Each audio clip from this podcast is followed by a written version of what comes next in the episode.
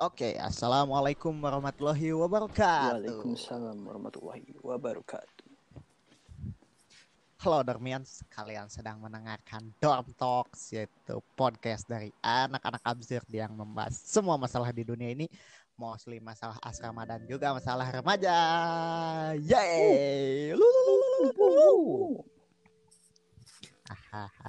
Akhirnya kita kembali dengan nama yang Ya, baru. nama baru lagi. Nama baru, suasana Oh. baru gak? Nama baru ya Ya, suasana masih tetap tetap sama. sama. ya. Cuma depannya aja sih. cuma depannya aja gitu cuma tampilannya aja yang beda gitu kita Ya, kita akan terus total. mengganti nama-nama sampai menemukan yang cocok. sampai menemukan yang cocok sampai podcast kita Nah, itu. gede Di saat gede, nah berarti itu nama yang tetap kita pakai gitu. Heeh, itu jadi brand image ya Ya. I- istilahnya kalau kata lu sih kalau kata lu eh, apa Kayak itu, kayak anak yang anak kecil kan kalau sering sakit-sakit kan harus diganti namanya ya biar Eh, cep ya biar sembuh Iya. gitu. Kayaknya podcast kita itu kayak Eh. gini. Lagi ya ya masih sakit-sakit. sakitnya kita itu pendengar Nah, gak naik itu. naik Ya siapa tahu kan dengan ganti nama nambah Nambah. Nambah pendengar Mungkin nanti kita bisa pakai nama yang agak-agak eh, apa sih mepet ke nama-nama terkenal kayaknya. apa Ya nanti kita pikirkan lagi. ya ya ya ya anyway gimana kabar lu Oke, kabar gue baik-baik aja. Ya semi ya baiklah dalam kondisi yang biasa-biasa aja lah. Ya tapi dari segi keuangan lagi gak baik. iya iya iya ya. Kalau lu gimana lu? Ya alhamdulillah ya gue eh, oh, oh, praise to God eh, gue baik Hmm, dan ya jalankan aktivitas seperti biasanya gitu. hmm, ya, ya, ya emang penting sih kita jaga kesehatan kan di masa lagi pandemi nih udah setahun kan ya setahun lebih pandemi Iya. belum apa sih belum berangsur-angsur gitu. Vaksinasi masih berjalan tapi kayak lambat gitu. Iya Mandek. lambat. Eh, apa sih ya biasalah Indonesia itu dari segi apa apa kalau, kalau suatu Indonesia itu kalau ngurus sesuatu itu dari segi administrasinya yang ribet gitu. Jadi kesannya lambat. Salah tipikal orang iya Indonesia. itu yang jadi ribet padahal kan tuh kayak kita daftar apa sih? Kayak kita aja daftar asrama kan bejibuan data kan sisanya mah ada kemanain gitu. Itu sih. Ya pokoknya buat kalian-kalian ya tetap di rumah aja sih pilihan yang terbaik gitu. kalau sekiranya keluar Iya, jangan lupa pakai masker. Ya pokoknya terapkan 3M bagi yang kalian yang udah divaksin tetap harus jaga soalnya kan vaksin itu kalau nggak salah 28 hari ya baru ngebentuk kekebalan Mm. tubuh kan Mm-mm. iya benar. Eh tapi orang tuh baru baca berita ya katanya ada siapa ya wakil bupati gitu atau Kenapa? siapa? Iya dia dia dia udah Hmm. vaksin, udah vaksinnya dua kali lagi kalau nggak salah. Dan dia habis divaksin langsung positif COVID. Itu. Jadi vaksin itu sebenarnya itu bukan kita apa sih membuat kita gak terkena dari virus corona tapi meringankan gitu. Jadi kalau kita kena virus itu jadi Heeh. seenggaknya meringankan gejalanya gitu. Nggak sampai terlalu itu sakit gitu nggak kayak orang yang divaksin eh, sebelum divaksin gitu. Iya benar. ya pokoknya ya stay safe aja Stay safe buat kita semua Nah, lah. kalau stay safe itu kayak itu loh. Kayak apa sih? Kartu itu. Kartu provider yang eh, di HP gue kan itunya. Nama providernya. Ke sananya stay safe. Ya kayak gue Kan, juga, gue siapa tahu gitu. beda-beda kan? Hashtag di- hashtag di kan, rumah lu- aja nama lu, provider. lu, lu kan di rumah aja kalau gue stay safe. Stay safe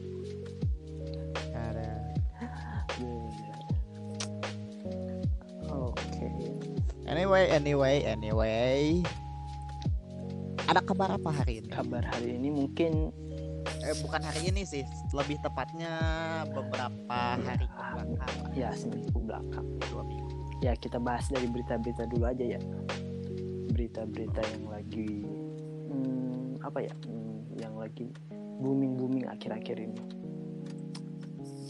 Kalau gue kalau dari gue berita yang paling mencolok ya itu yang salah satu atlet poli putri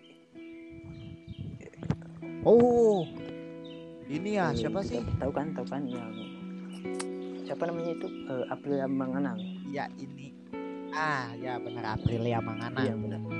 Emang sih kesan gue ya waktu itu lihat itu ya eh, kalau ada proliga di proliga kan di TV kan Aprilia Manganang itu kan cewek ya.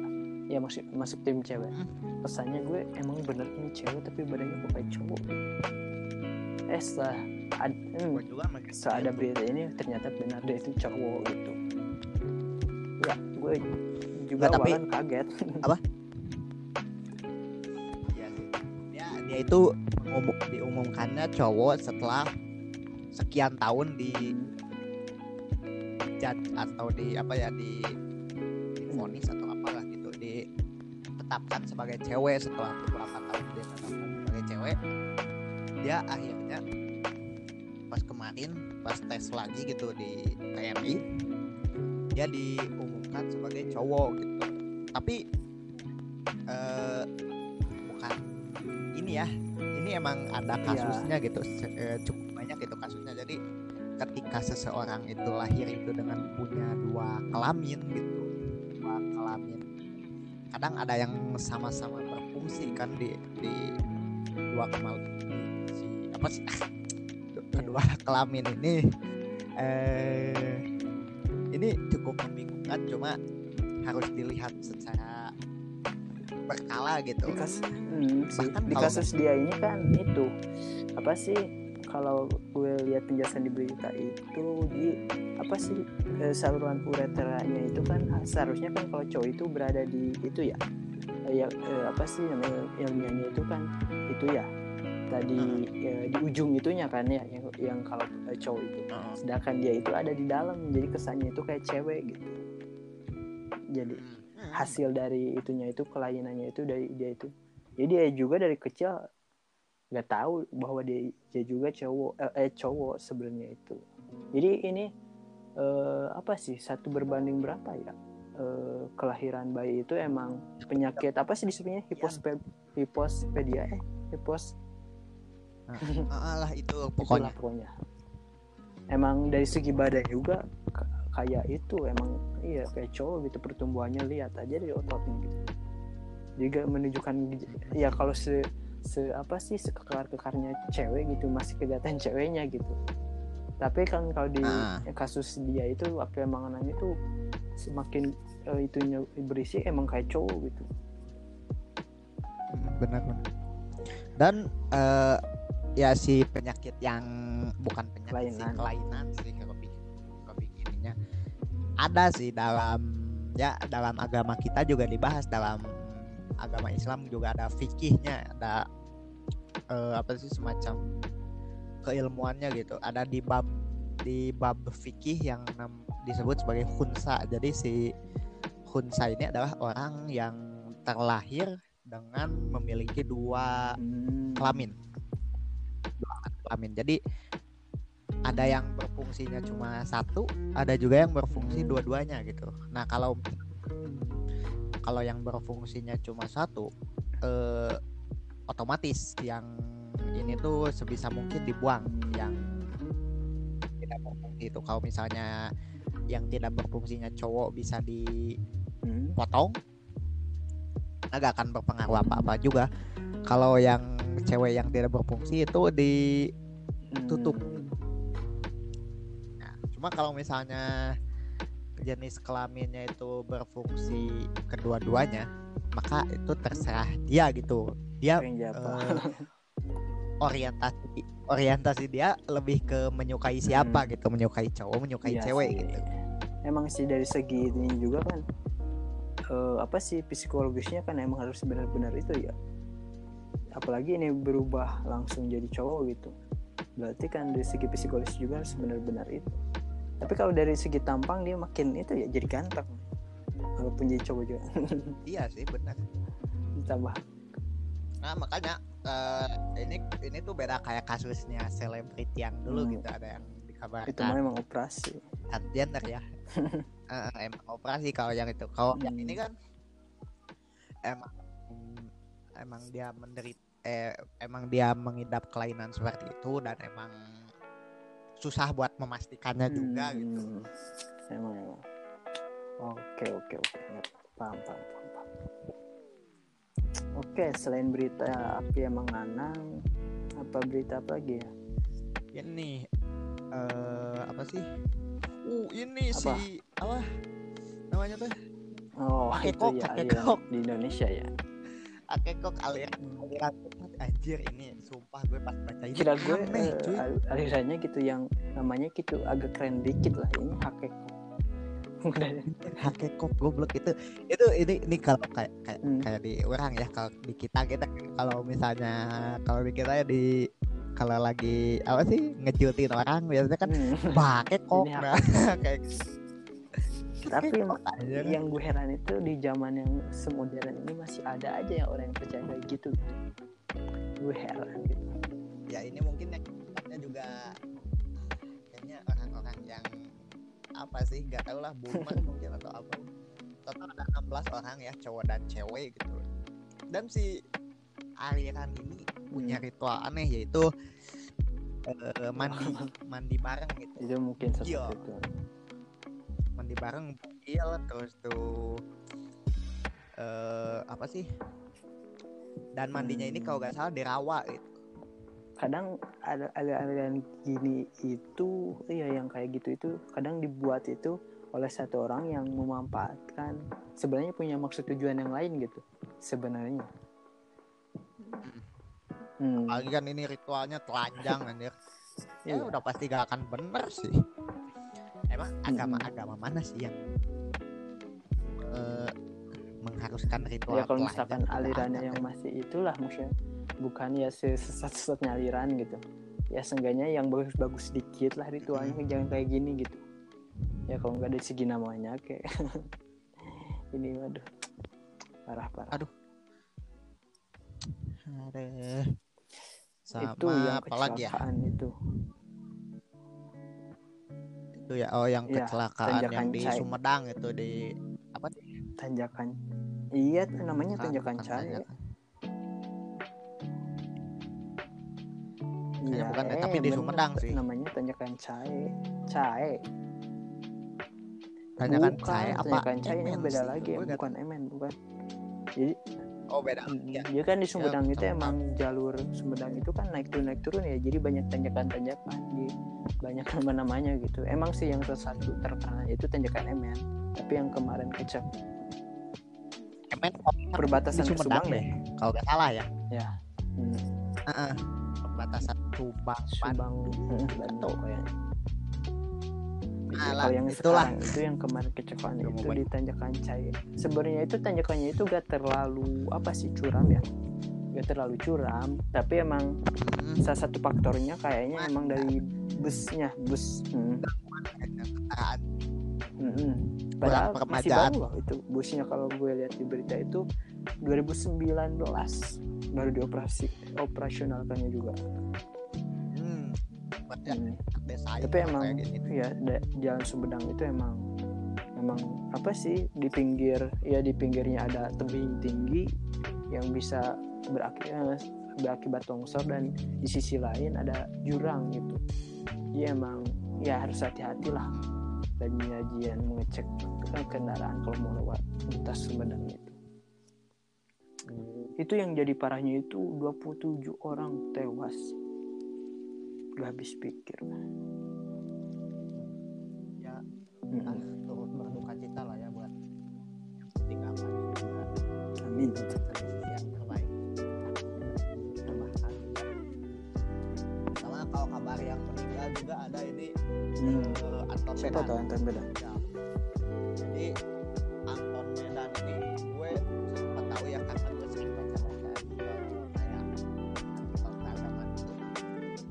dia ini dulunya adalah seorang raja preman. Raja preman dia itu menguasai pasar gitu lah pokoknya bengis lah ya dia itu. Sampai ke dulu itu jadi sasarannya Hmm. Petrus eh, Anton Medan ini. Sehingga sampai akhirnya dia tobat masuk Islam eh, dan kemudian aktif jadi pendakwah dan di beberapa tahun akhir usia eh, almarhum dia bikin pesantren di mana? Bogor gitu kalau nggak salah. Hmm, itu tuh Anton Medan itu emang orang Medan. Medan ini dulunya. Nggak tahu sih gue kayaknya sih. Dan iya sih kalau yang gue baca ya dia ini awalnya ini memang dalang dibalik sem- eh, banyak eh, kasus perampokan gitu perdagangan obat. Tapi dia pernah pernah di penjara judi ilegal. Pernah Dia 18 mualafnya tahun. setelah keluar dari penjara atau Dia- dia- gimana? kayaknya sih keluar sih gue Hmm, gue belum nemu sih. Hmm. ya dia mualaf pokoknya intinya mualaf setelah di penjara itu. Dan nama dia itu ganti jadi Muhammad Ramdan Effendi eh almarhum Anton Medan ya dan dia berdakwah di pokoknya sasaran dakwah dia itu napi sih. Kalangan napi dan juga para kalangan pelacur.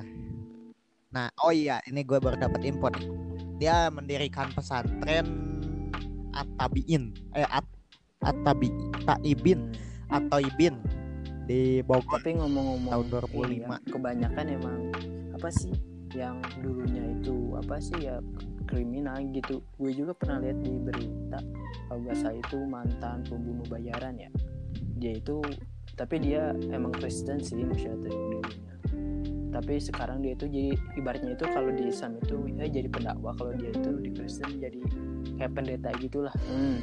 Kadang-kadang jadi kan pendeta iya eh siapa iya sih itu John siapa ya kalau nama aslinya itu ada nama Leon apa sih disebutnya ya mungkin enggak enggak Kalau salah itu ada Indo sih. lagi. Dia- emang dia tuh kan- terkenal sih emang si Johnny, Johnny Indo itu emang iya ada tapi ini ada satu lagi pemburu bayaran tapi masih hidup sekarang juga dia itu jadi emang aktif kalau Johnny Indo kan emang dia setelah tobat kan jadi ini jadi Hmm, itu kan bintang film emang sih orang-orang kayak gini Oh, itu itu. emang kalau udah di titik itunya iya udah di titik apa sih bangkitnya lagi itu kalau sekalinya dia itu emang bisa benar-benar menggerakkan hati orang-orang gitu.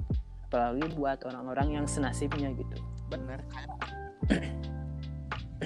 kayak Kang Hmm, Pipit. oh Kang Pipi juga Almarhum. emang preman asli. Tau gak? Hmm, emang preman asli Kang Pipit? Gue kurang tahu latar-latar ya? belakang Eh, para preman pensiun. Rata-rata preman pensiun itu Hmm, beneran preman beneran. Kayak misalnya Kang Pipit Kang Murad Kang Komar Soalnya kan Kang Komar Kang eh Kang Pipit ya, Kang Pipit itu kan karakternya yang lucu jadi kayak gak mungkin gitu. Ya tapi dia emang eh apa sih? Hmm. preman beneran dan kalau gak salah Kang Pipit ini pernah mati suri terus dibangun lagi gitu. Katanya pas bangun lagi dia bilang Hmm. Tuhan ngasih kesempatan kedua katanya. Dan dia bagus eh, menurut gue sukses sih memanfaatkan kesempatan keduanya. Tobat iya. Terus terkenal iya. Ya di- intinya bagus ya, lah kadang kan seorang itu emang harus berada di titik apa sih paling dalam gitu dalam hidupnya baru dia menemukan titik baliknya kadang ada yang berhasil bangkit lagi kadang ada yang ya makin ter ya itulah kehidupan. Kehidupan kadang roda kehidupan itu berjalan cepat sih. Ya eh, kita cuma bisa berdoa sih. Semoga kita tetap berada di dalam Benar, jalan bisa kebaikan diberi gitu. petunjuk. tetap di jalan eh, selalu diberi petunjuk dan selalu bersama dengan orang-orang yang baik juga gitu ya Amin ya Rabbal Alamin. Terus kasus selanjutnya itu ada yang ini yang komen yang itu bukan komen ke Lady Gaga sama itu Ariana Grande Hmm? Ah, itu yang oh Yang yang ke kirain yang internasional ah, enggak sih internasional gak terlalu lah gak terlalu Gue juga, mantau ya. gue ini Hmm. kan polisi ya kepolisian ini kan Hmm. kepolisian Solo kepolisian Solo itu nangkap eh, Emang komenannya gimana sih? seseorang ya karena dia komen apa sih gue lupa komennya itu Hmm. pokoknya nyinyir lah katanya oh ini nih nih gue nemu komennya nih jadi dia itu komen di akun akun bola ya akun bola namanya Hmm. Garuda Revolution. Ini akun tentang bahasan Hmm. timnas Indonesia. Kan katanya eh, Gibran ini pengennya semifinal dan di final Solo ya? Piala Menpora ya yang akan Hmm. diselenggarakan nanti. Maunya di Solo katanya, maunya di mana kan. Terus dia komen, katanya komennya itu eh, gini nih. Tahu apa dia tentang sepak bola, taunya dikasih jabatan aja Ya, katanya. ya, ya. Nah, terus komen itu dia langsung ditangkap. Eh, dia tuh lagi lagi ini lagi menempuh pendidikan Mahasiswa. di Jogja. sekarang Mahasiswa. masih diproses Nah, dia enggak dia dia udah dilepas kan setelah dia meminta maaf gitu. viral klarifikasi minta maaf Ada sih eh, video ah klarifikasi minta maaf. itu alur terkenal itu itu kalau di Indonesia. biasa ya. Biasalah. jadi nyinyir gitu ya nyinyir wali kota Solo gitu. Nyinyir. Nyinyir, nyinyir wali kota tapi Solo. di, eh bukan dia ya atau amnesti kalau gak saya yang apa sih menagih janji ucapan Pak Jokowi ya iya kan kalau di berita itu kan eh, apa sih salah satu yang netizen menyinyir wali kota Solo ya terus ada kata selanjutnya itu amnesti menagih ucapan Pak Jokowi hmm, tahu sih. ya Tapi intinya dia dia udah dilepas sih, udah dilepas. Eh gara-gara emang dia udah menyampaikan permintaan maaf, udah hmm.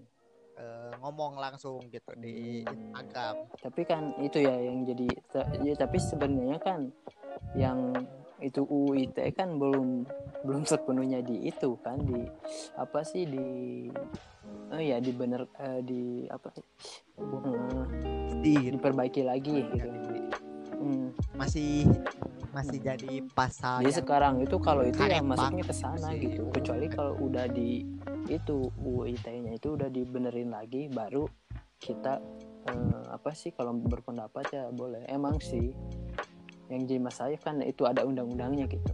Kita gak bisa semena-mena. Ya sekarang tunggu-tunggu aja lah. S- eh, sampai UU ITE itu diperbaiki gitu. Ya emang ya resiko. Tapi jeli ya itu. Kayaknya nge- ngetag gak? Enggak. Dia bisa ke ngetag gak si komenannya? Apa?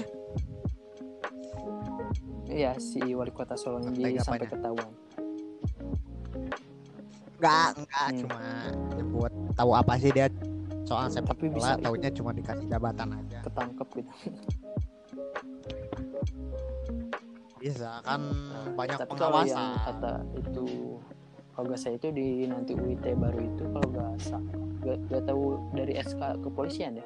Jadi nanti mah gak ada kalau misalkan ada kayak gitu itu menyinyir salah satu pihak bakal eh, jadi gak langsung di apa sih dipolisikan. Tapi kalau sekiranya dua pihaknya itu mau saling apa diselesaikan secara kekeluargaan mi- misalkan minta maaf gitu udah selesai. Jadi gak ada kata-kata apa sih ditangkap polisi? Enggak gitu. Kalau kalau nggak salah dibuat ke depannya mah gitu. Jadi kan emang Hmm, benar. jadi apa sih ribet gitu. Tapi kalau yang yang gue bikin ya bukan penasaran ya. Kalau misalkan ada seorang yang ya komen gitu tapi dia itu kekeh gak mau minta maaf gitu. Karena me- apa sih me- ya mempertahankan argumennya gitu. Bahwa dia itu emang benar gitu. Gue pengen kalau ada gitu orang kayak gitu kayaknya Benar. keren. Jadi kan apa ya kalau gue mikirnya eh, minta maaf itu kayaknya emang eh, suruhan dari polisinya gitu. Takutnya agak dari si yang ngebuat salahnya. Kalau enggak dia emang benar gitu tapi dis- disalahkan dan harus minta maaf. Hmm. Ja- jadi kesannya gimana ya terkekang aja gitu oh satu lagi satu lagi Ya. Eh, dari berita internasional Apa? korban tewas di Myanmar yang aksi kudeta itu udah nyampe Oh. dari PBB itu udah 140 lebih kalau nggak salah orang yang tewas. Ini ini Myanmar mau nyaingin 98 Tapi kita ya, banyak anggota polisi sama eh, apa sih warga-warganya yang pindah ke India gitu. Sedang punya Oh, oh iya iya. nggak pindah maksudnya teh ke India lah. iya sana lah pokoknya. Nah, paling ke Bangladesh soalnya kan eh, Bangladesh kan tetangganya ini apa sih? Tetangga langsungnya ini Hmm. eh, apa Myanmar gitu. Kalau kalau ke India kalau ke India kita harus Pokoknya lewat dulu itu ke kepada Bangladesh masyarakat gitu. Myanmar agar menyimpan bukti kalau mana ada kekerasan yang dilakukan oleh pihak militer buktinya itu harus disimpan gitu buat nanti mungkin. Anjir tapi heh gue gue lihat ya di gak tahu beneran gak tahu nggak ini di akun Wancak gitu. Emang sih gue tahu Wancak akun lucu-lucuan tapi gue tuh lihat ada yang ngerekam video ngerekam video hmm, tentara lagi ngawas Hmm. di atas ya di lantai atas. Si tentaranya itu di bawah di eh, apa sih? Di jalan.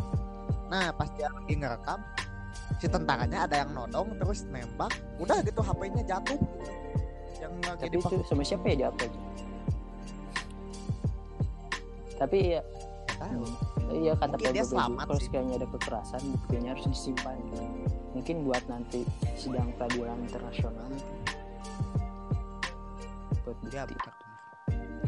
Hmm, yang itu eh ini mah eh, apa sih gue lihat baca sekilas ya gak tau gak tau booming gak tau enggak kan itu di Amerika baru melaksanakan Grammy Awards ya ajang buat para penyanyi penyanyi Oh iya, benar, kan Grammy ada Award. itu ya salah satunya kan BTS ya nah kan si hmm, iya BTS, BTS kan katanya menang dicuri ya. cuy. jadi si akun itu eh, penyanyi internasional Lady Gaga sama Ariana Grande itu diserang sama ARMY para hmm, fans-fansnya itu sama Army ya Hmm, jadi katanya itu sama kayak apa sih disebutnya itu hmm, kayak rasis gitu. dicuri dicuri Hmm, Nah, digembosi kami digembosi katanya. Kayak ah, tipikal tipikal kalau di bola itu kayak fans Hmm. Tapi kata- hmm, tapi Grammy itu emang tepat Kalau- memberikan eh, penghargaan kepada Ariana Grande karena melihat fans BTS kayak gitu gitu.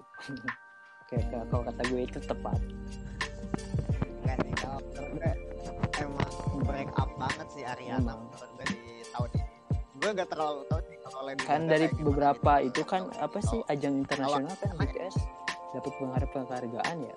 Ya mungkin di Grammy itu mereka sek- mungkin udah kepedean kayaknya fansnya. iya sih kalau di Grammy sih masih wajar gue tuh eh, apa sih Eh, apa si BTS bisa dapet gitu masih wajar cuma gue tuh agak agak aneh tuh kalau misalnya penghargaan Hmm. American Music Award gitu orang Korea gitu atau orang negara lain lah selain Nah, sih yang kadang ngundang dari luar ya. Hmm. Tapi kalau misalkan ber- berdasarkan si polling, misalkan mungkin dari segi fans mungkin BTS bisa menang kalau misalkan mengandalkan dari hasil voting fans. ah kayaknya sih iya tapi enggak enggak sih enggak enggak enggak kayaknya enggak enggak juga sih kalau misalnya voting soalnya followersnya Ariana itu salah satu yang paling Tapi gak, tapi gak itu ya, gak barbar gitu. nggak tahu sih gue nggak tahu Ariana Hmm. kan disebutnya Ariana Tors ya kalau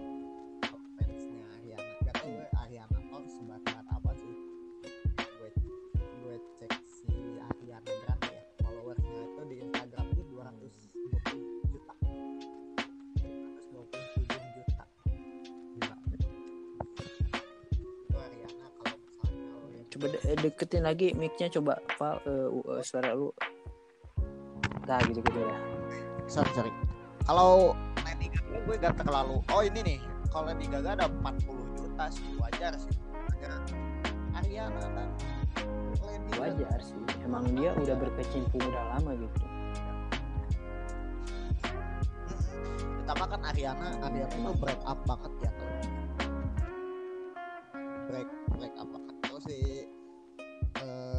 Lady Gaga itu bisa dibilang comeback lah ya setelah sekian lama dia nggak naik ke permukaan gitu kan Hmm. terakhir naik ke permukaan itu sekitar tahun berapa ya Hmm. 2010 11 Tapi- gitu. itu BTS juga su- eh, apa Iya. sih u- bukan untung sih ya udah bagus ya bisa masuk eh, masuk ke Grammy juga gitu nah iya benar udah masuk ke Grammy juga udah Udah- bagus sih. Yang gue perhatiin BTS itu konsisten sih. Untuk ukuran sebuah grup Hmm.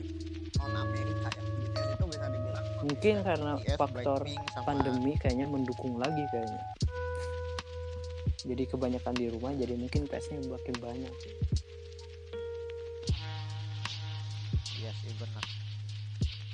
Terus hmm, apa? apa lagi ya?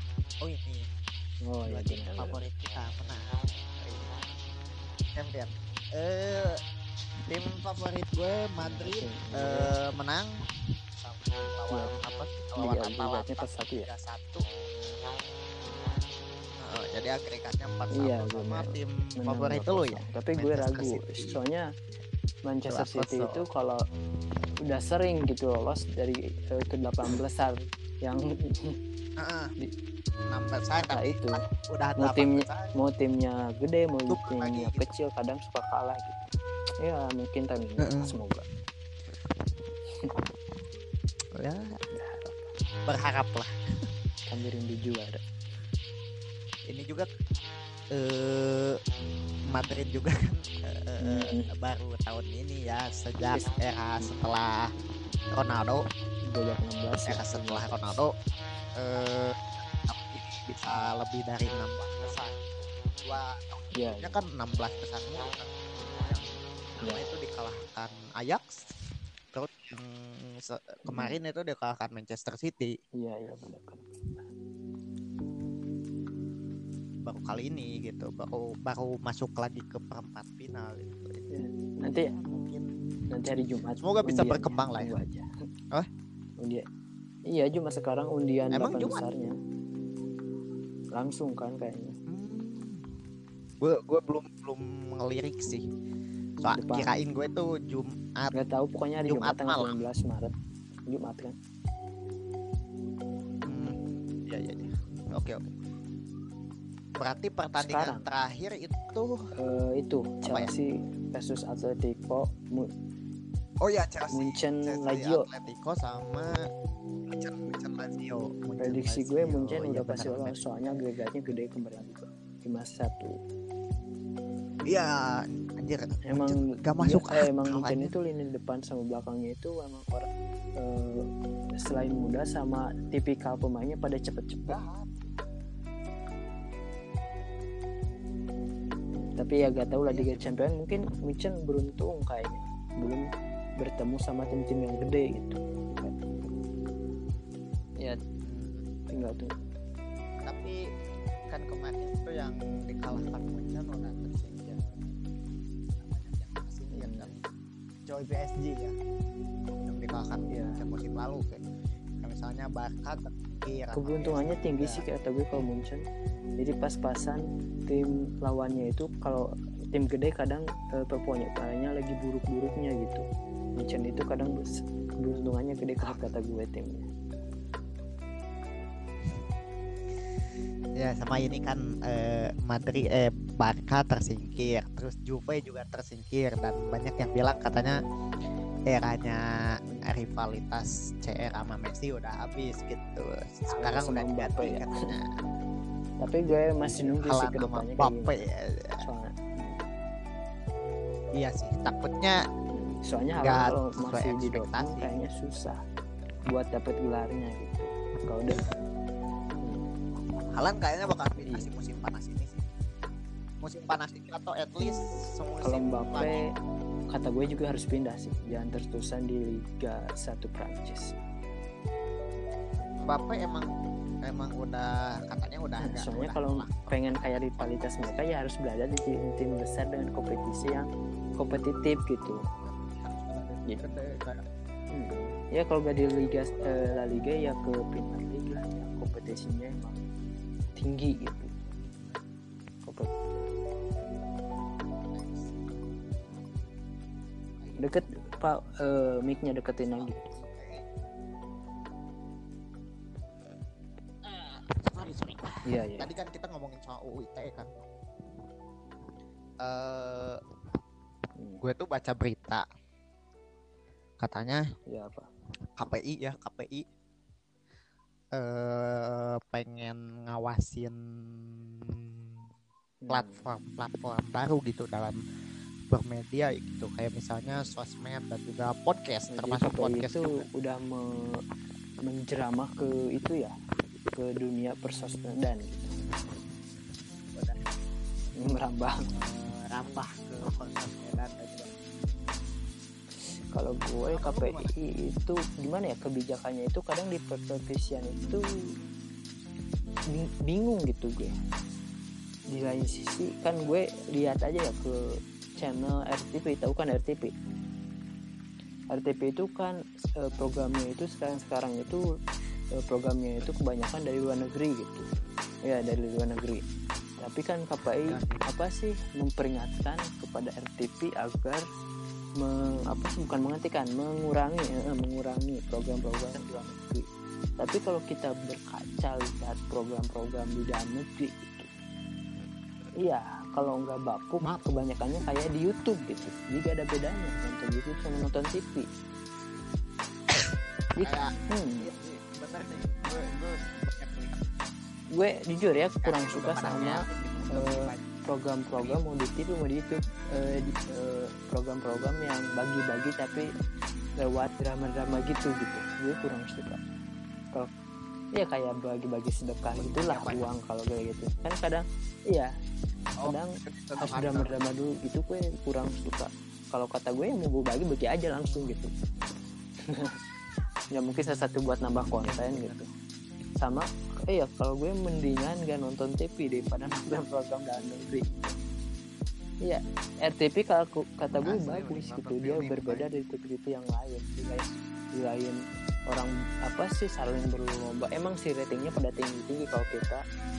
Iya sampai kehidupan artis aja jadi program gitu. Emang nggak gue bingung gitu. Tim-tim kreatif TV itu emang nggak udah kreatif tapi gimana gitu? Dia bisa menciptakan program kayak TV-TV dulu gitu iya. Udah pada males kerja di TV nah, secara kan kita Hmm. bisa membawa TV Lebih kita baik sendiri gitu kan kayak RTP aja gitu yang berbeda bikin menarik. Tapi sayangnya gue susah dapetin itu. Sia, apa sih eh, frekuensi buat RTP kadang susah.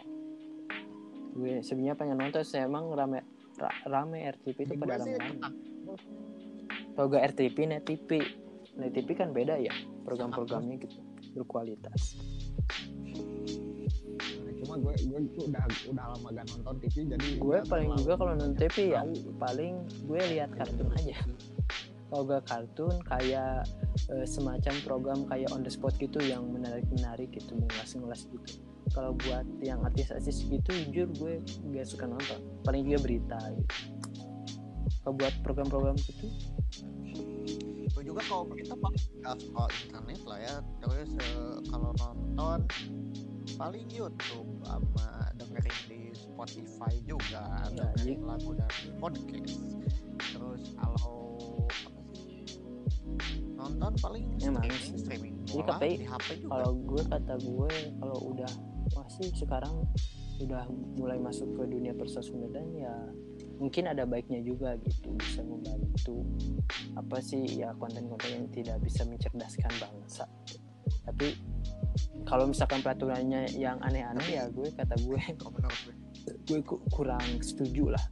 Istilahnya kalau ya kalau peraturannya bisa membaiki eh, apa sih generasi-generasi bangsa ya kata gue ya suka-suka aja. Tapi kan kalau lihat berkaca dari penya eh, apa sih perpepesian aja gitu gue kurang suka kayak sinetron sinetron kenapa sinetron sinetron kayak gitu tetap berjalan gitu?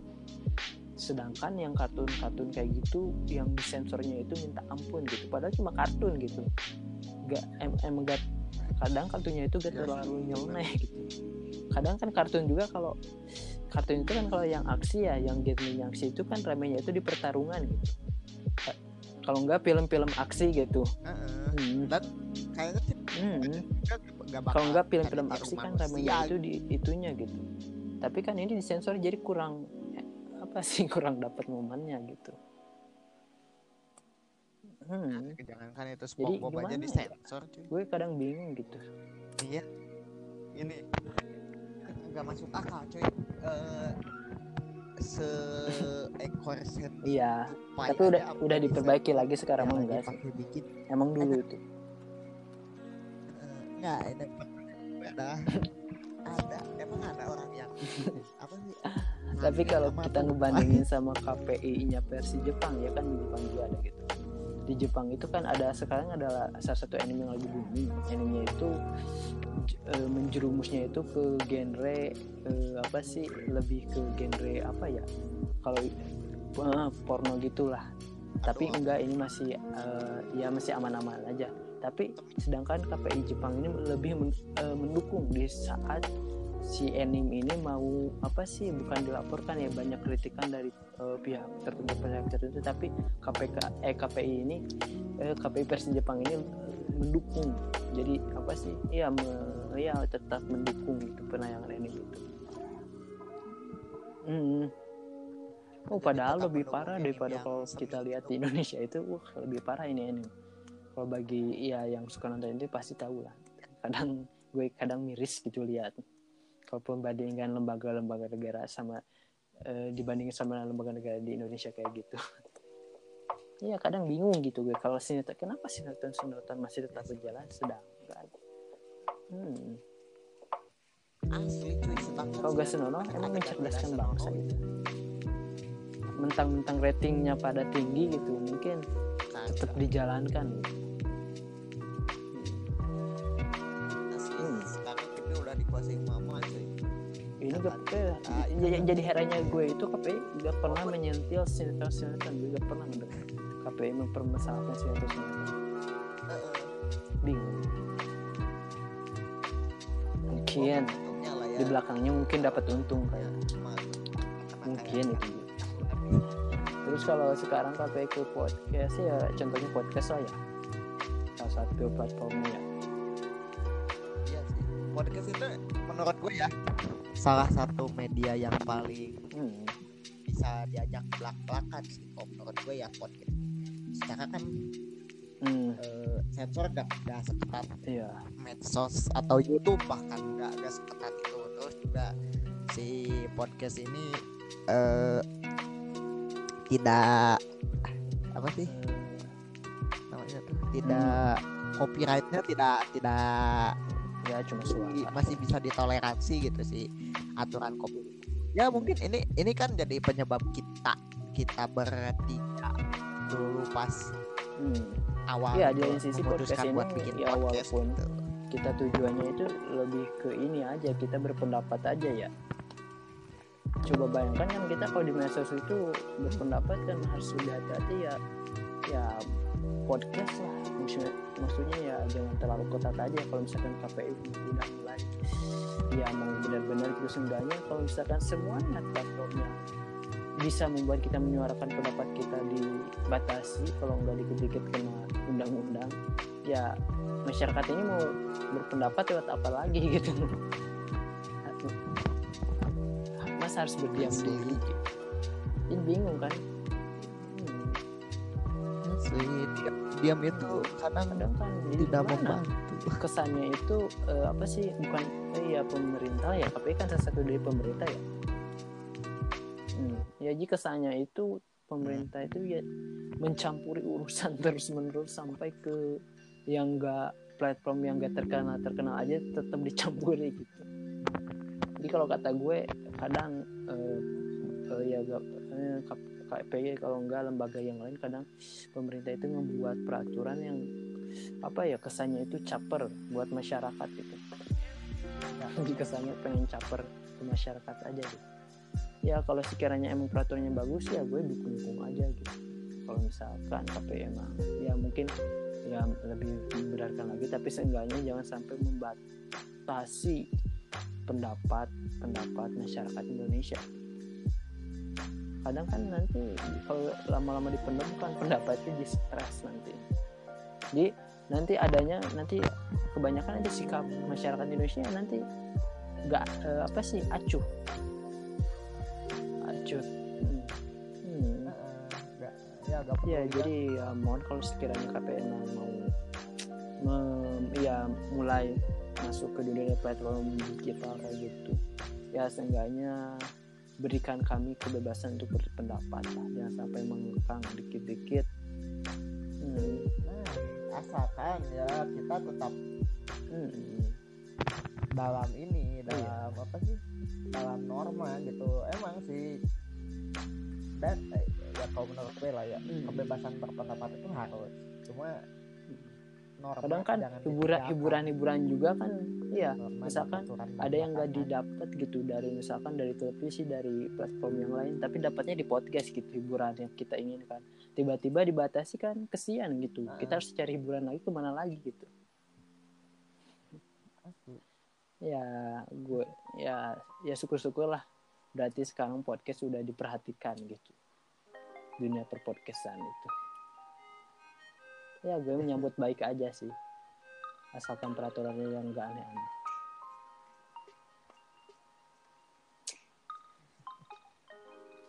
Iya sih. Eh ngomong-ngomong soal podcast atau apalah ya lu punya preferensi referensi soal eh, apa? Po- oh sering Kalau gue apa, jujur ya. sering baik itu podcast ke podcast aja ya YouTube Facebook. Gue paling sering gunain eh, platform buat eh, media sosial. Kalau enggak media sosial itu cuma yang gue aktif itu WA dan IG aja. Jadi buat kayak eh, podcast kayak YouTube kayak Facebook itu gue jujur jarang. Gue jarang ngedengerin jarang make gitu. Kecuali kadang-kadang kalau lagi gabut aja gitu. Itu juga gue asal aja random cari aja. Kadang di YouTube juga kayak gue yang video yang ada di beranda aja yang gue pengen lihat. Kadang ini kadang gue gue kurang apa ya bukan kurang suka sih emang gak terlalu itu dalam dunia perpodcastan itu gue gak terlalu suka eh bukan suka eh, terlalu ahli lah pokoknya. Gue gak tahu kurang tahu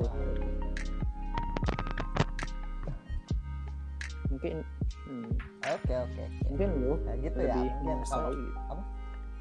kan ini cikal ba- iya kan ini cikal bakalnya kan Ya, kalau- podcast ya, kita itu kan lah ya salah satu usaha dari lu juga gitu oh iya benar sih jadi hmm. sekalian kilas balik ya jadi dulu kan eh, gue tuh dulu tuh eh, gara-gara sering dengerin podcast jadi gue tertarik gitu bikin podcast. Dan di waktu yang bersamaan ada yang ngajak gitu, berawal ada dari ngajak kegabutan ya kayak net net kayaknya dari kegabutan. Ada net yang juga ngajak katanya eh, bikin podcast yuk Cen."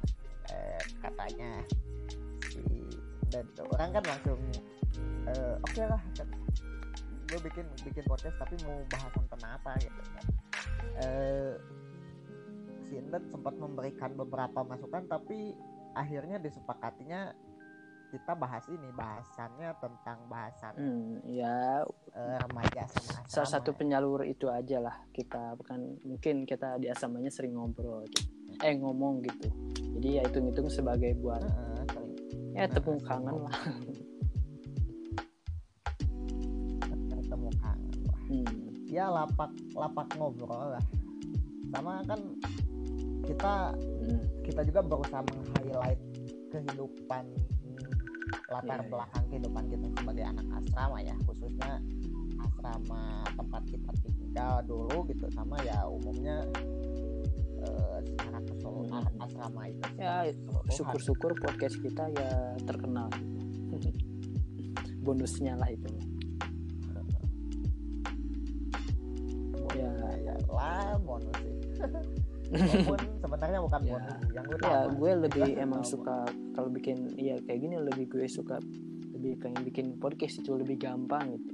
Cuma kita men- apa sih menyumbangkan atau suara aja gitu. Kan kalau YouTube itu kadang harus video edit itu itu konten gitu.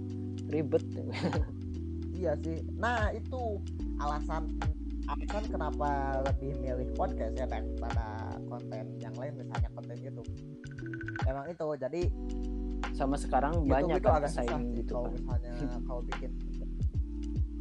Sama ya sama banyak pesaingnya. Terus YouTube itu gini ya eh, apa sih?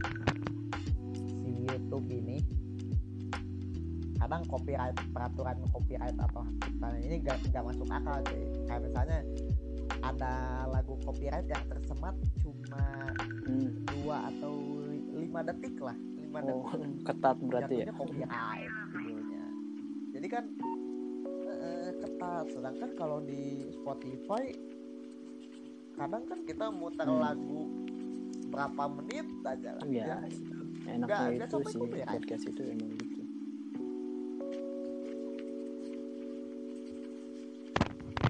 Sama podcast ini setupnya itu lebih mudah gitu sama setup sama apa sih alat-alat pendukungnya itu lebih lebih gampang daripada YouTube gitu kalau YouTube kan kadang harus lightningnya Hmm. bagus terus tuh kameranya harus cakep terus editing juga harus mantap gitu jadi agak nyusahin sih sama eh kan kalau podcast kan Ya. cukup pakai HP terus yang sederhananya kayak gitulah anchor, atau kalau sederhananya.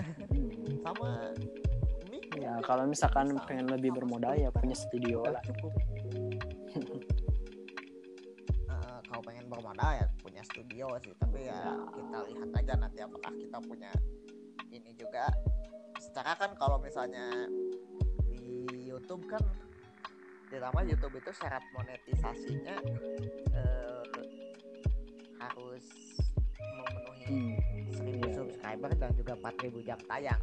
Kalau misalnya di Spotify itu lu bikin podcast aja sudah kalau misalnya menyematkan segmen bersponsor itu si CPM itu udah aktif. emang si podcast sekarang ya Nah, lagi mungkin lagi naik-naiknya ya Nah, kayaknya kayaknya sih orang ditambah ya eh, orang gua orang tuh eh, mikirnya gini podcast ini kan baru ya termasuk baru di Indonesia itu Eh, sekitar tahun naiknya itu tahun 2019an lah ya 2018 19 gitu. Naiknya itu ya walaupun emang orang yang berpodcast di Indonesia emang udah ada sejak 2016 gitu. yaitu eh, lu mungkin belum tahu ya lu siapa orang yang kurang tahu. mempeloporkan podcast di Indonesia eh setahu gue ya orang yang pertama kali mempopulerkan podcast di Indonesia itu ada ada stand up komedian kalau namanya Adriano Colby. Itu bikin podcast tahun 2015 gitu. Zaman zamannya belum populer itu si yang namanya Spotify. Spotify Lagu masih aja ya, belum aplikasi buat ngelagu gitu belum. Orang-orang belum tahu bahwa Spotify di Indonesia itu udah bisa podcast. Ya sih dah podcast itu emang gampang. Eh, iya sih. Terus habis tidak terlalu banyak bakat gampang. Sama kalau nggak salah gue pernah baca katanya itu si Anchor ini berani ngasih 10 kali bukan? Apa sih? Hmm. uang. Ngasih penghasilan 10 kali lebih banyak gitu. Pada podcaster. Kalau di Amerika sana ya nggak tahu kalau di Indonesia daripada Jadi, yang kalau di luar itu emang lebih gede gitu pendapatan emang udah ada ada emang udah tersusun dengan rapi kalau di luar tuh kalau di Amerika. Ya bahkan di Amerika itu udah banyak cuy yang namanya podcast yang udah ada eh, udah ada keterangan sebagai podcast eksklusif. ya emang orang orang-orang barat itu emang kalau dari segi ngobrol itu kayak di film ya. Jadi gimana ya kesannya itu bagus lah gitu kayak sistematis kalau ngobrol gitu. kata-katanya itu Iya. Salah satu podcast eksklusif itu yang sering gue perhatiin itu ada di tentang apa podcast Joe, Joe Rogan. Rogan. Jadi kayak podcastnya kayak kalau kayaknya sih gue mikirnya gitu kayak Deddy Corbuzier ya kok jadi itu hampir bedanya ya, podcast itu di YouTube ya sih di Spotify juga. Jadi itu ada ada platformnya juga. Nah, si Joe Rogan ini sama kontennya kayak Sama. Corbuzier ngobrol Viral. sama orang-orang eh, nggak viral sih, nggak nggak cuma yang viral, tapi orang-orang yang terkenal aja lah gitu. Dan cuma bedanya kalau lu merhatiin si Joe Rogan si podcastnya ini lebih panjang sih daripada Deddy Corbuzier. Kalau Om Deddy paling berarti dipotong-potong gitu. paling lama cuma sejam gitu ya cuma Hmm, enggak. Satu satu part cuy. Gue gue pernah dengerin podcast yang sama siapa ya? Sama Kanye West gitu ya emang orang lima luar itu kalau sekali ngobrol kayaknya mau orang luar mau orang Iya kita itu kalau sekali ngobrol mungkin panjang eh, eh, asli. Hmm, kali ngobrol kayaknya gibah. Berarti gibah itu jalan jalan dia banget. nyari ide topik pembicaranya berarti emang pintar gitu ya dan emang sih si Joe Rogan ini sama-sama komedian stand up komedian juga sih kita. Ya berarti emang stand up komedian ini emang penting sih dalam hmm, benar emang. podcast di berbagai negara. Masuk di Indonesia tadi sebagaimana udah gue sebut ada ada Novaldi gitu sebagai sekarang dia punya channel. Indonesia. Eh channel. Berarti ada kalau podcastnya lu cari aja. Udah terkenal Podcast awal mungkin. Terkenal sih lumayan sih. Terus ke sini ke sininya tuh podcast itu emang udah tersusun udah mulai tersusun rapi gitu di Indonesia itu sampai ada semacam korporasinya gitu Apaan? kalau yang namanya podcast tuh. Kayak misalnya ada ada box to box nih. Box to box ini kan Hmm, mungkin lo pernah dengar sih eh, nama media network ya. Media network yang membawahi lebih dari 20 podcast gitu kalau nggak salah tuh. Lebih dari 20 podcast dari berbagai genre gitu. Kayak ya gue lebih eh, sepak bola aja ada lirik ke yang bolanya. Bola. Box to box. Enggak sih. Tapi nggak bola doang sih ada yang lain juga yang terkenal gitu. Ada kalau di bola kan ada box to box bola yang ngebahas bola internasional terus tuh ada umpan tarik yang bahas bola Indonesia dan juga ada podcast favorit gue nih Ngebahas apaan? Retropus namanya jadi sih podcast Retropus ini Retropus ini kan kata ya kata Hmm, yang kalau dibalik jadi supporter. Jadi si podcast Retropus ini emang ngebahas sepak bola dari Iya, iya, iya. sudut pandang supporter. gitu.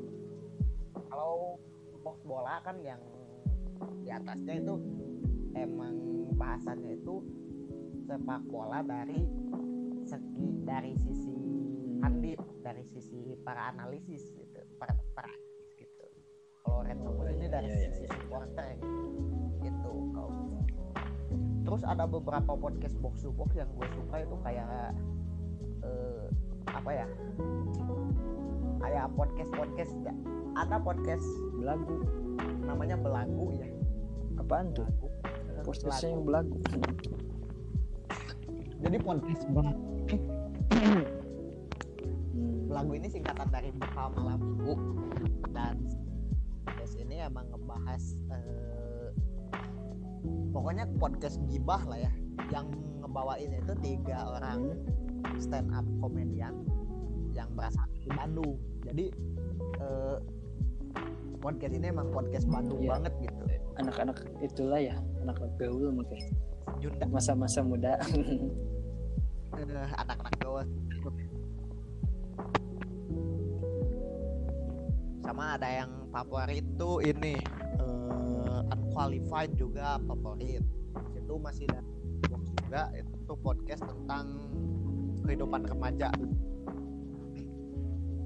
jadi eh, bukan kehidupan remaja sih tentang realita kehidupan gitu jadi misalnya kalau ada bahasan soal deketin lagi eh, mic-nya pak. Kurang kurang itu. Nah, gitu. kita menyikapi percintaan terus tuh cara menyikapi pertemanan terus tuh cara menyikapi kehidupan beragama gitu. Pokoknya realita kehidupan sih.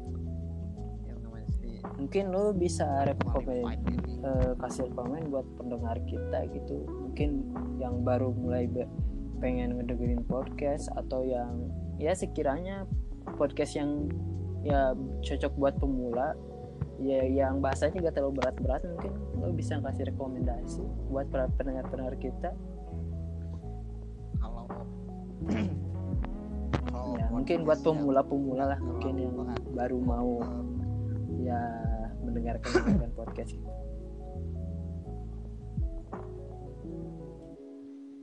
eh, kalau yang mau mendengarkan podcast ya gue sih lebih nyaranin apa ya Hmm. unqualified mungkin ya. Kalau misalnya ranahnya umum ya. Tapi kalau misalnya lu penyuka bola ya gue nyaraninnya retropus sih. Soalnya kan retropus ini emang podcast sepak bola tapi ngebahas Anti mainstream lah ya. di lain juga gitu. Kayak misalnya eh, eh, anti mainstream cuy retropus itu. Eh apa sih yang kadang si retropus ini Hmm, ya, juga ya, cukup dibawa-bawa juga gitu. humoris-humoris gitu.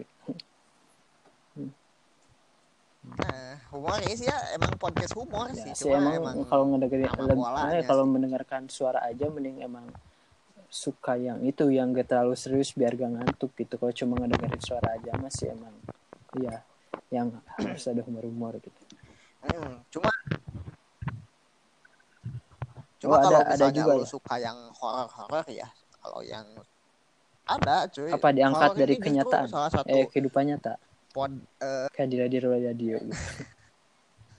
enggak salah satu genre genre podcast yang Favorit. paling apa sih namanya tuh yang paling Ya, emang sih lebih kerasa itu gitu ya. Kalau apalagi kalau ada Horor, apa backsoundnya ya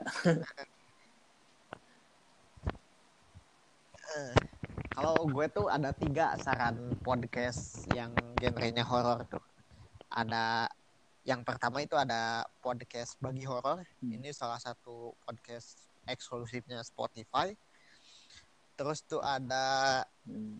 itu luar atau dalam dalam negeri Do You See What I See? Hmm. ini podcast Oh, dalam negeri gue Ini pernah salah lihat ini di itu ya eh, di iklan TV di- ya di hmm.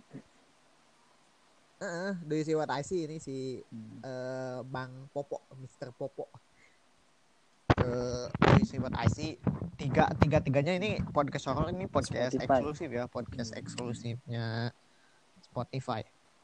Terus yang terakhir nih Kliwon. ada Hmm. podcast Malam Kliwon. Ini yang Bimo. bawainnya si ini Bimo. Lu tau Bimo gak? Jadi si Hmm, Bimo ini kan voice overnya. Oh yang, Yang itu yang pakai kacamata bukan kan, sih Bahkan hmm ya tahu tahu oh dia Ah, yang punya pakai podcast ya? kacamata. Iya, pokoknya podcast Hmm. juga dan podcastnya podcast eksklusif, podcast eksklusifnya Spotify. Ada sih beberapa lagi kayak misalnya eh, podcast kisah horor juga itu bagus menurut Hmm. gue tuh dari Mbak Ana Ana Olive. Terus ada eh BGST ada namanya tuh BGST. Jadi BGST ini singkatan Hmm. dari Bandung Ghost Stories. Jadi ini ini BGST mah emang lebih ke Hmm. Bandung horor-horor di daerah Bandung Iya, gitu. kalau Daerah dabar Jawa dabar Barat ya ya. kalau bikin podcast kayaknya enak ya dengernya ya kalau pada dabar gitu kan suaranya udah Enak asik kalau dabar tuh. kayaknya enak ngedengerin gitu Mm-mm. Eh, Kalau ini kalau apa sih? Kalau ada horor, ada juga yang lain gitu Hmm, kayak thriller. Ada podcast thriller juga ada. Ini dua nih podcast eksklusif dari gue nih. Ada satu tuh namanya podcast lenyap. Jadi si podcast lenyap ini eh, menceritakan tentang eh podcast yang menyampaikan kisah ini, kisah Kalau di YouTube kayak itu ya Nancy Judge kayak itu mungkin ya. Hmm, kalau nasi judge Hmm. itu lebih umum cuy. Jadi horor ada, si eh, kisah pembunuhannya juga ada gitu. Kalau kalau ini kalau si lenyap ini emang cuma pembunuhan doang gitu. Kayak misalnya apa ya? Yang terkenal tuh yang pembunuhannya Jessica, Oh iya iya. Jessica yang kopi. Kopi dia. Ini dibahas juga di sini di lenyap. Sama kan naratornya juga merupakan ini eh, Wah. bukan polisi apa sih Hmm, analis eh, kasus kriminal kriminolog kriminolog dan lulusan hukum juga sih namanya Mbak ini jadi gimana Mbak itu siapa? polisi itu? Me- Marisa menceritakan kronologisnya gitu diceritakan atau gimana sih eh, itunya dalam? Menceritakan pokoknya ki- menyampaikan kisah pembunuhan menyampaikan kronologis pembunuhannya Hmm. sama menganalisis kasus itu Hmm. menganalisis perilaku si pelaku terus tuh apa yang jadi terus tuh pokoknya dan lain-lain gitu pokoknya. Dianalisis sama dia. oh, ya ini bisa jadi saran buat lu sih. Nanti lah mungkin gue bisa kasih Hmm, sarannya di saran postingan aja ya. Instagram. Bisa bisa bisa. Ya itu buat kalian mungkin. Buat pengen ngedengerin podcast. Terus ada satu lagi nih pod podcast yang sejenis sejenis dengan podcast lenyap. Ini namanya Hmm. podcast pembunuh berantai. Tapi kalau aja ngeceritain yang sama dunia kayaknya lebih Tentang seru apa? ya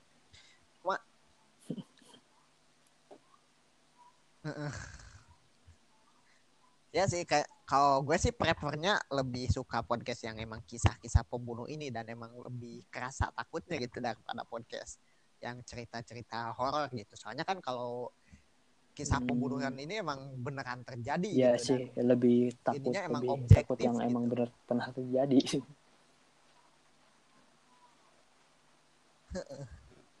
lebih takut yang emang udah pernah terjadi. Nah, Kak, eh ya balik lagi ke podcast si pembunuh berantai. Jadi kalau si podcast pembunuh berantai ini em kayak podcast lenyap tadi, cuma Hmm. ceritanya lebih universal gitu. emang sih lebih baik Jadi kayak gitu gue lebih gitu. Kasus-kasus pembunuhan luar negeri sih soalnya kesannya lebih apa ya pembunuhan luar negeri itu lebih kasus emang berantai di itu luar. emang berantai itu emang banyak gitu di luar negeri itu disebut berantai itu kan kalau di kita dua orang aja udah termasuk berantai ya emang Ya. benar sih tapi kan kalau dua itu berantai itu emang bener gitu korbannya banyak Sa- sama kadang kalau di luar itu pembunuhan Iya, berantai sama. itu apa sih kadang lebih sulit gitu sih pembunuhnya itu kadang lebih pintar daripada penyelidiknya Eh, eh. Sama si soalnya kalau si wajar kalau bahasannya itu soalnya podcast pembunuh berantai ini ini tuh cabang ini tuh cabang podcast pembunuh berantai itu dari eh sebuah media network podcast dari Hmm. Amerika namanya Parkes. Jadi si Parkes ini membawahi beberapa podcast kayak ada versi Inggris dari Hmm. podcast pembunuh Kay- berantai namanya kayaknya si Killer. Jack, Jack the Ripper ada ya Terus tuh ada sama ada ada ada aja Sama dari itu Zodiac Killer episode kayaknya pertamanya pembunuh berantai cuy. Zodiac Killer, Jack the Ripper sama eh Zodiac Killer deh yang pertama setahu gue sama Hmm, tapi yang Jack the eh, itu kalau gue lihat dari apa ya salah satu itu gue pernah lihat udah udah ter itu apa sih udah Literatur. terpecahkan kasusnya itu jadi gak jadi misteri lagi Hmm, nggak tahu sih gue. Cuma kan eh ya seperti itulah. Dan si setahu gue si serial killer sih ini ngebahas Hmm. satu kasus pembunuhan di Indonesia. Kasusnya dukun ini AS dukun AS. kurang tahu Tahu gak? kurang tahu gue Dukun Ahmad Suraji uh, ngebunuh 40 wanita Ih, gitu kalau salah. terus ditelan air Nggak ada yang kasus Sumanto.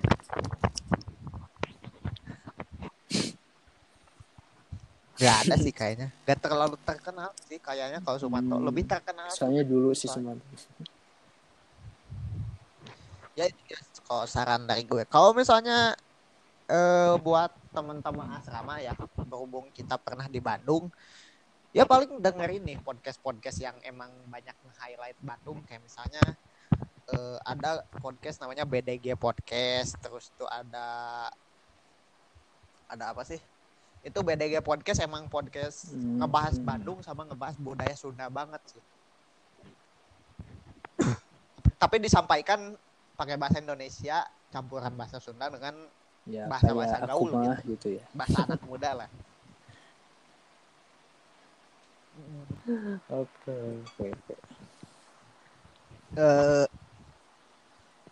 BDG podcast terus kalau misalnya horornya tadi udah gue sebut ada BGST itu juga masih satu cabang sih dari info BDG itu karena ada akun info BDG itu bikin podcast podcastnya itu Hmm. BDG podcast tau sama po- BGST. podcast yang apa sih yang durasinya yang gak terlalu Terus kalau panjang lah Apa? buat pemula kan kadang kadang kan pemula itu males gitu kalau lihat Oh, ini. langsung panjangin. kalau lu Yang- Eh, iya sih benar kalau podcast buat yang gak suka durasi panjang. eh pemula ya kalau mau podcast Heeh, sama kalau buat pengantar tidur nih ada dua saran podcast eh dua dua podcast eh apa apa? sih namanya rekomendasi dari gue pertama itu ada rintik seduh itu podcast storytelling pokoknya itu itu Hmm, tentang kata-kata itu romantisme hidup Apa ya? gitu. Hmm, itu. ya kayak kata-kata mutiara lah ya terus tuh ada podcast ada satu podcast Tentang namanya sama, Hello kayak kata-kata Goodbye itu. sama sama kurang lebih sama itu cuma itu mah di season ininya Hmm, di tapi kata kata-katanya berat sih kayak gitu kayak kata-kata sastra Sama ini gitu. Hmm, ya, ya. kayak kayak kata-kata puitis sih kalau Hello Goodbye Kayaknya itu kalau rintik seduh kayaknya. kayaknya enggak deh Ke- Iya sih, ke kayaknya- gitu. ya anak emang senja. buat pengantar tidur sih Hmm. Nah, jadi si Hello Goodbye ini adalah podcast drama ya, drama adaptasi dari buku. Hmm. Bukunya itu judulnya sama Hello Goodbye juga. Isinya adalah eh, cerita-cerita Hmm. pendek tentang perpisahan dan pertemuan, cuy.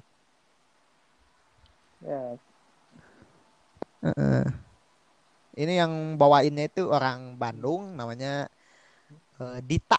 Hello Dita nama akunnya itu. At Hello Dita. Dita Saraswati kalau salah.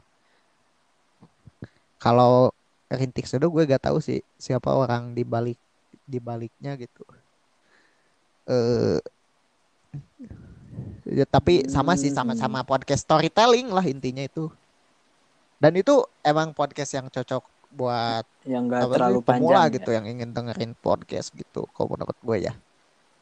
Heeh, gak terlalu Iya. panjang paling is Ya, senang ceritanya paling gitu. 15 menit, 9 menit gitu.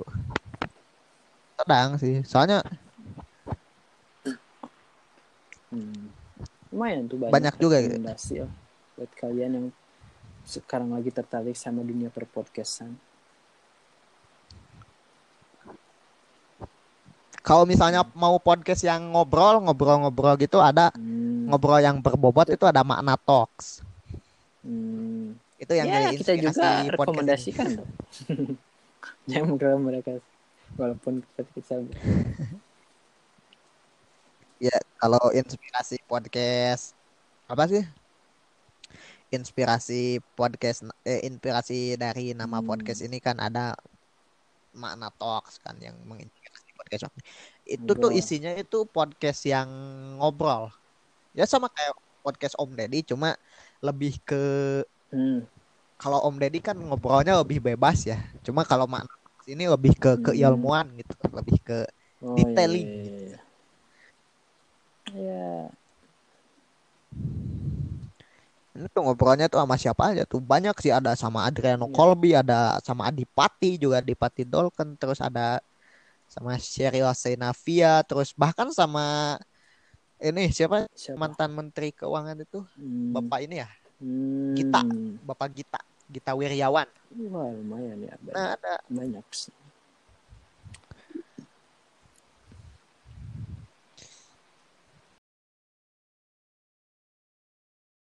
Ya mungkin eh, itu ya eh, sedikit rekomendasi dari gue walaupun gak sedikit sih panjang sih Ya, sebenarnya eh, soalnya kan Raipa udah ya lumayan lah perpodcastannya dia udah bisa dibilang hatam ya. mungkin gue gue kalau antara eh, member i eh Hmm. yes.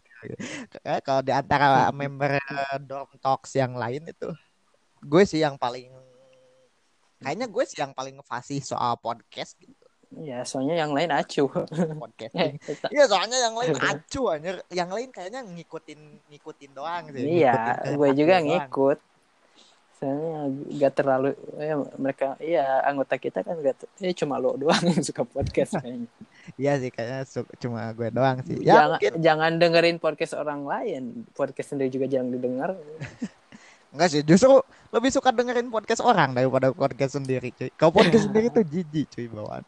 iya, benar-benar. Ya mungkin gitu aja ya lah. Ya, gitulah. Gitu aja Mohon ya. Maaf mungkin kepanjangan ya. Maaf kepanjangan buat episode kali ini. Soalnya gue excited banget soalnya ini ngomongin soal podcast. Eh Benar. ya segitu aja ya dari kita berdua tentang Oke. podcasting ya episode yang sangat panjang ini. Eh Rekor kayaknya ya. rekor mungkin ya nggak tahu sih kita lihat lihat aja gimana nanti jadinya gitu setelah Berdua melalui, kita kuat ya. setelah melalui editing dan sebagainya gitu ya mungkin Iya. eh, episode kali ini sampai jumpa di episode selanjutnya gue Rai pamit gue Nijar. Bye. ya Nizar Zain juga pamit Eh, ya see you on next episode see you next time Bye. Bye-bye. Bye. Bye. Bye. bye Mwah.